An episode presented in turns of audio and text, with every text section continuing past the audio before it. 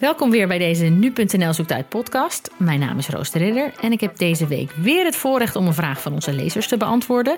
En deze week ging het op ons interactieplatform Nu Jij over de westerse sancties tegen Rusland. Hebben die nou een beetje zin? Leidt die Russische economie hier al een beetje onder? En ik moet eerlijk zeggen, ik vraag me dat zelf eigenlijk ook heel vaak af. Dus daar ga ik naar op zoek naar dat antwoord. Maar eerst wil ik nog even precies weten hoe het nou ook alweer zit met die sancties. En daarvoor bel ik met onze buitenlandexpert Matthijs Lelou. Zou je nog iets willen zeggen voor mij? Hallo, Je klinkt nog een beetje zacht. zacht. Kijken of ik. Helpt dit? Iets. Of je moet gewoon hard praten misschien. Ja, dat zal het wel zijn dan. Ja, Matthijs, de oorlog is nu zo'n zes maanden bezig. We hebben het er al vaak over gehad ook trouwens, een video of gewoon op de site. En de sancties zijn eigenlijk ook wel net zo lang van kracht, toch? Ja, de EU is bijvoorbeeld al aan het zevende sanctiepakket eh, tegen Rusland toe. Er zijn ook sancties opgelegd door bijvoorbeeld de VS, Canada, Japan, Zwitserland, het Verenigd Koninkrijk en nog wat andere landen.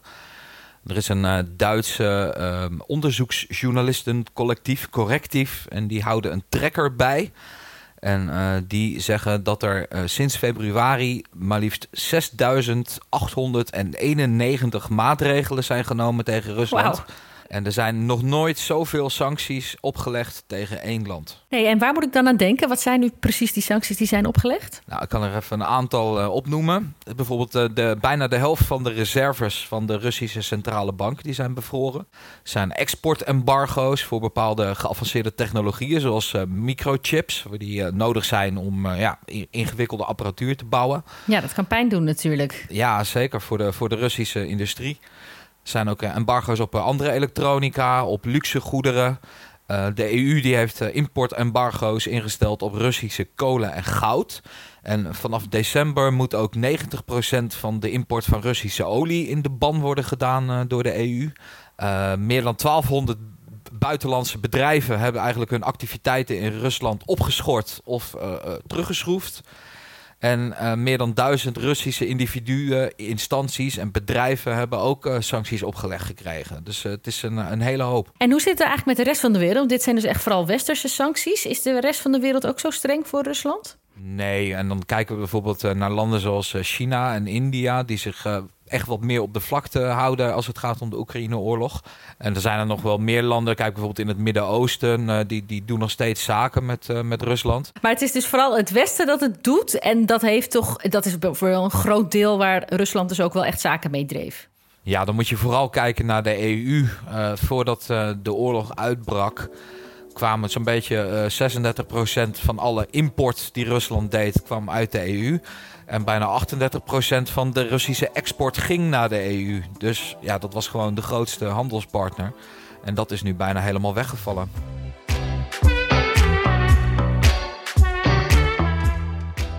Dat zijn behoorlijke cijfers. Ik zou nu denken, nou goed, dat moet die Russische economie raken. Maar om erachter te komen hoe dat precies zit, bel ik met Hubert Smeets van Raam op Rusland.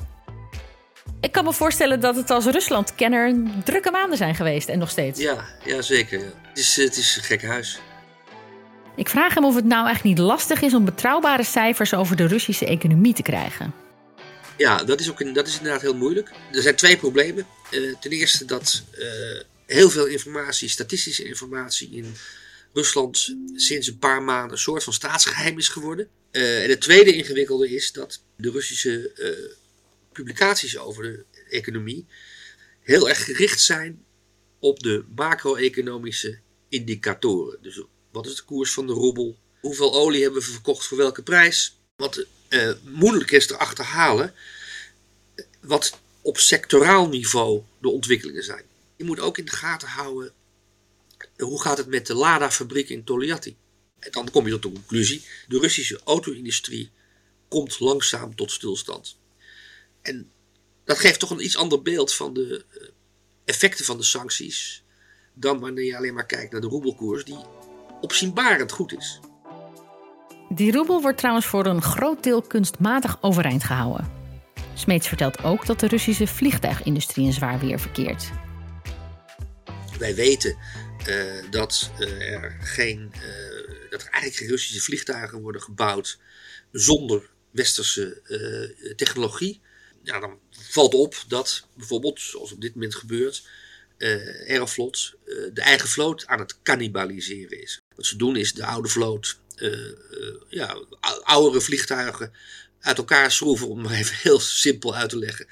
En de reserveonderdelen die nog bruikbaar zijn, om te zetten naar vliegtuigen die nog wel vliegen. Als je kijkt naar dat soort signalen, kun, je, kun je concluderen dat de sancties op sectoraal niveau de Russische economie veel meer treffen dan de eh, directeur van de centrale bank doet voorkomen in haar wekelijkse verslagen. Ja, dus het Kremlin wil ons eigenlijk doen geloven dat het allemaal wel goed gaat en dat Rusland, dat de economie gewoon goed gaat en bloeit? Of is dat ook te ver gezegd? Nee, dat, dat, dat wil het Kremlin niet meer. Het Kremlin zendt tegenwoordig ook twee signalen uit. Uh, het signaal van ons raakt het niet, maar uh, Poetin zegt in menig toespraak wel dat het moeilijker wordt. Maar wat in Moskou en in Rusland heel erg ook wordt benadrukt, zeker ook door de media, al niet geïnstigeerd door het Kremlin, dat is dat de olieinkomsten en de gasinkomsten de pan uitreizen. Is het ook zo dat de olie en de gas ja, er nog heel veel geeft? Kijk naar de cijfers, dan, is, dan zijn de inkomsten uit de olie- en gasexporten zijn, recordhoogte aan het bereiken. Uh, wat we niet helemaal weten is of Ehm, of die cijfers kloppen. De olie, dat, dat, dat lijkt evident. Onbetwistbaar dat uh, over de hele wereld olietankers rondvaren met Russische olie op zoek naar de hoogste bieder. Vaak zijn dat olietankers die varen onder bijvoorbeeld Griekse vlag. Gas waag ik te betwijfelen. En je gaf dus al even aan dat uh, in de auto-industrie gaat het niet zo goed. Uh, vliegtuigbouw, gas waarschijnlijk ook niet. Zijn er nog meer concrete voorbeelden waar je kan zien dat ze lijden? Ja, ja, ja zeker. Een van de meest spectaculaire voorbeelden is uh, de wapenindustrie. Wat nu blijkt is dat de Russische wapenindustrie in veel grotere mate afhankelijk was van westerse technologie. Bijvoorbeeld chips vanuit Nederland, NPX, uh, Valkenswaard, dan, wij, dan wij wisten. Uh, en dat de uh, mogelijkheden voor de Russische wapenindustrie om datgene wat er kapotgeschoten is afgelopen zes maanden in Oekraïne, om dat te vervangen, uh, dat die mogelijkheden veel geringer zijn dan we dachten. En is het ook zo dat de Russische burgers er echt veel last van hebben? Ja, dat, dat, dat, weet ik niet, want ik zit in Nederland natuurlijk. Uit van kennissen die ik heb, hoor ik lichte pijn. Maar dus eigenlijk op de vraag uh, hoe erg leidt de Russische economie eronder, is niet een heel goed eenduidig antwoord te geven. Nee, dat is heel moeilijk.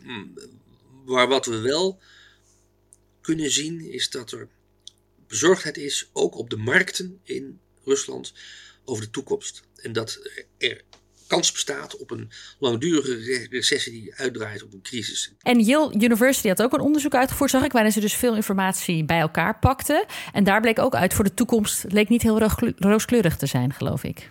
Nee, die komen tot de conclusie dat eigenlijk deze oorlog, als die nog lang duurt, de Russische economie 30 jaar achterop kan brengen.